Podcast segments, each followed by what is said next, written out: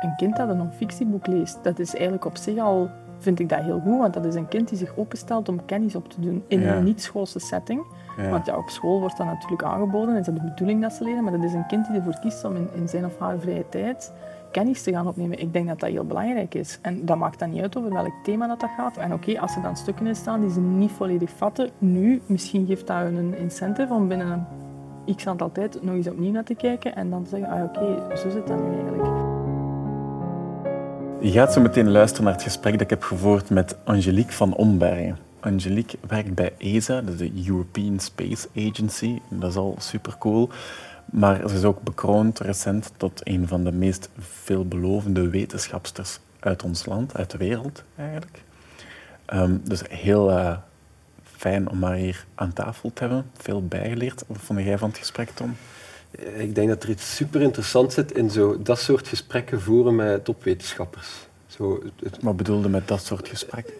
enerzijds leert je over een onderzoek en anderzijds over de mens erachter of zo. Over, het gaat over filosofische thema's, eh, over harde wetenschap, Ja. ehm, maar ook over haar leven. En ik weet niet, ik vind dat zelf een zeer aangename manier om tegelijk bij te leren. Ehm, Ook gewoon over hoe dat wetenschap in elkaar zit, superveel over geleerd, over Ja. dat veld. En ehm, ja, vind ik, ik denk dat daar nog veel meer in zit. Ik denk dat we dat vaker moeten doen. Ja, het is ook zo opvallend dat, ik weet niet of dat, dat toeval is of niet, maar dat die persoonlijke levens en wat dat ze bestuderen, dat dat bij topwetenschappers precies altijd wel gelinkt is aan elkaar of zo. Het is geen toeval dat die in dat veld zitten of het veld waarin dat ze zitten kunnen ook echt in hun persoonlijk leven terug. Ik weet niet. Ja, ja, ja. Dat is logisch ook eigenlijk, hè, als je erover nadenkt. Je kijkt dat Ja. ze naar alsof dat eh, robots zijn of zo, wetenschappers. Dat Ja, zijn ja. mensen, hè.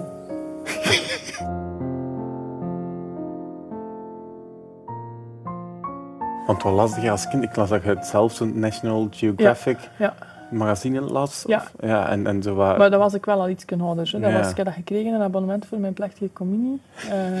Schattig. Ja, dat vond ik wel echt... eh, ja, ik vond dat de max. In een wit- ja, ja. Had een wit pak aan?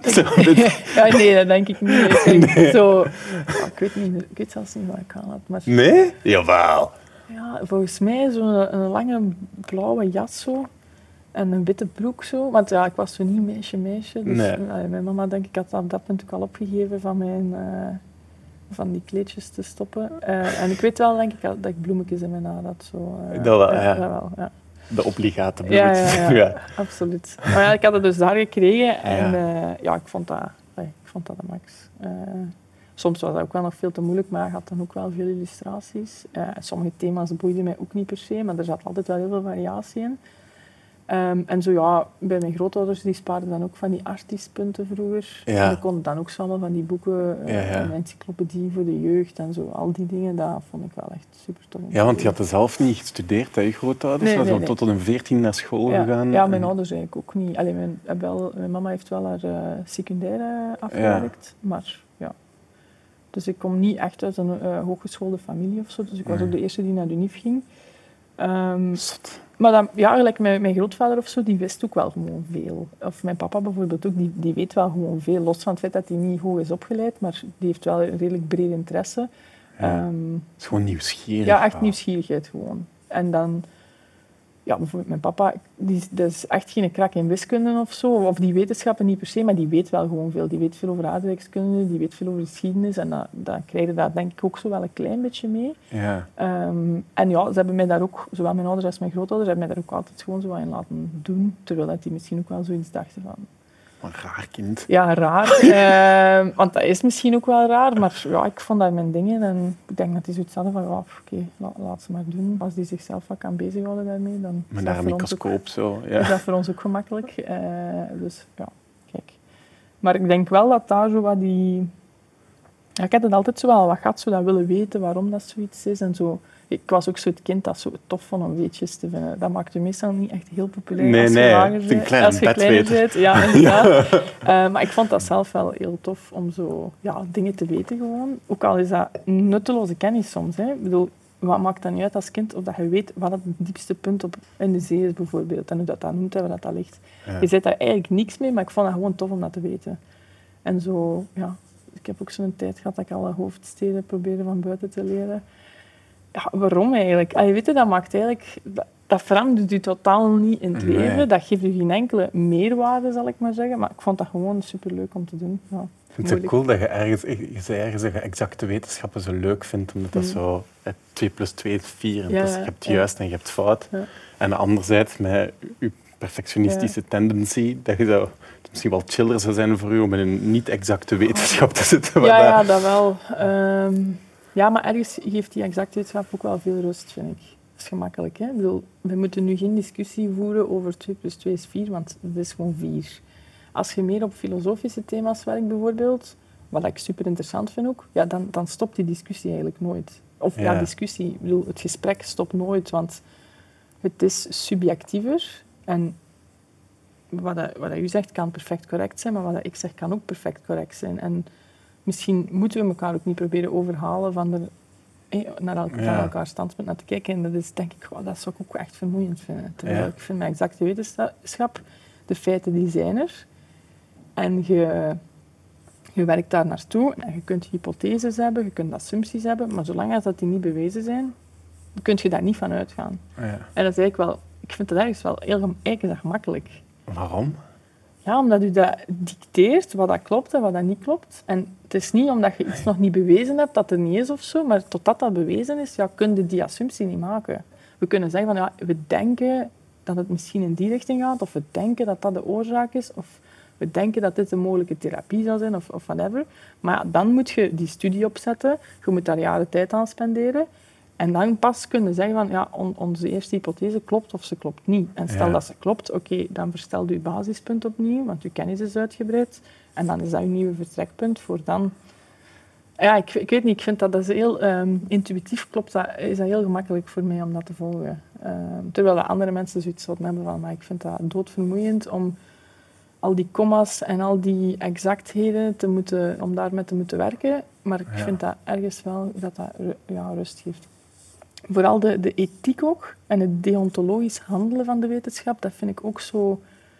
Dat vind ik ook heel interessant, omdat er is, maar er is een goede manier om wetenschap te doen en er zijn slechte manieren om wetenschap te doen. En ik vind dat heel geruststellend als je weet dat je op een goede manier aan wetenschap doet. Dat je weet dat, dat je, ja, ik weet niet, dat je geen bias of zo min mogelijk bias introduceert in je studie, dat je weet dat je statistiek waterdicht is, dat je weet zo, dat geeft zo'n soort van rust. Ik weet niet, ik kan dat niet uitleggen, maar dat vind ik echt, voor mij is dat echt zo van, oké, we, hebben al, we hebben alle stappen goed gedaan, dus wat dat er nu ook uitkomt, Ja. dat, dat is goed. Het maakt eigenlijk niet uit of dat onze hypothese nu klopt of niet, want we hebben alles goed doorlopen. En ook al is het dat niet, dat is ook een meerwaarde voor de wetenschap. Want vaak wordt, en dat is nog heel jammer, negatieve resultaten worden vaak gezien als rubbish. Oh ja, Als van, ja. oh, hier zijn we niks mee. Ja. Terwijl, nee, dat is, dat is goed als je weet dat alles op een solide manier is gebeurd.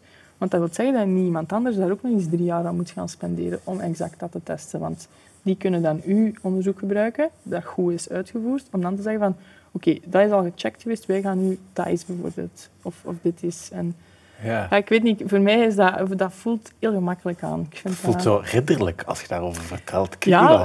Zoiets, Ja, dat is zo, ja, ik weet niet hoe, maar dat is zo, je weet dat je zo, ik weet niet. Ik dat je het goed aan het doen bent. Ja, daarom ook dat ik het vaak echt moeilijk heb als je zo... Ja, wetenschap die dat niet op een goede manier is gedaan, daar krijg ik ook zo wel wat kriebels van soms. Omdat ik zo denk van, ah, maar dat klopt niet. En zelfs al klopt het wel, we kunnen niet zeker zijn dat het klopt. Want ja, dat is gebeurd en ja, geeft dat niet te veel bias. Of, of, en dan is dat zo eigenlijk voor niks geweest. Ja. En ik vind zo dat, dat ritueel volgen en die stappen volgen en dat op een goede manier doen, ik weet niet, dat, dat- geeft, ja, ik vind dat gemakkelijk, dat geeft rust, want je weet, Ja. oké, alles is goed gegaan en dit is de uitkomst. En oké, soms is dat totaal niet wat je wilt, of wat je had gedacht, maar dat is dan ook weer het leuke van wetenschap. Dat je gewoon ergens uitkomt waar je twee jaar geleden nog nooit aan had gedacht dat dat er iets mee te maken had.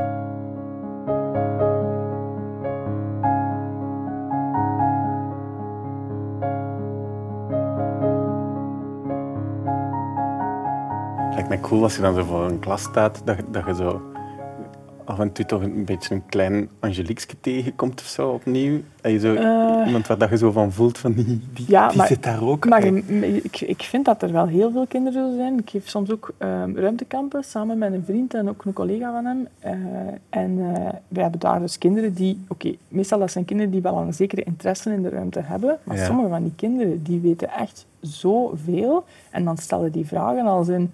Ja, hoeveel dagen duurt het voordat Venus rond zijn eigen as heeft gedraaid? En dan weten die dat gewoon. En dan denk je echt van, wow, oké, dit is echt on another level. Volwassenen zijn uiteraard ook nieuwsgierig en ook geïnteresseerd, maar die hebben zoal een bagage mee. Die hebben zoal wat hun gedacht op bepaalde dingen gezet of zo. Of die hebben al een, een heel uitgesproken mening over dingen.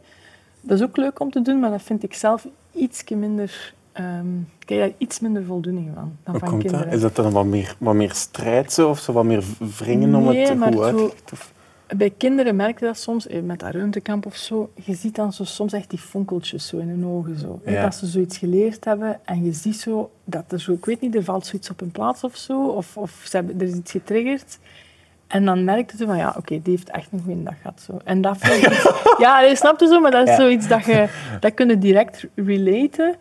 Wij- allee, met dat ruimtekamp ook, we krijgen dan vaak mailtjes daarna van ouders, ja, die zijn nu nog altijd over de ruimte bezig. En eh, ja, hij, of zij vond het super. Ehm, of dan, ik heb eens één keer een berichtje gehad van ook een ouder, van ja, mijn dochter heeft een spreekbeurt over u gegeven, omdat ze later ook wetenschapper wilt worden. En snap je, dat, dat gaat dan niet om mij, want, Nee, nee. maar gewoon het feit dat je die kinderen op een bepaalde manier triggert. Ja, En oké, misschien wor- wordt dat meisje nooit wetenschapper en dat is prima, hè, maar snap je, Nee. zo, je geeft zo wel een...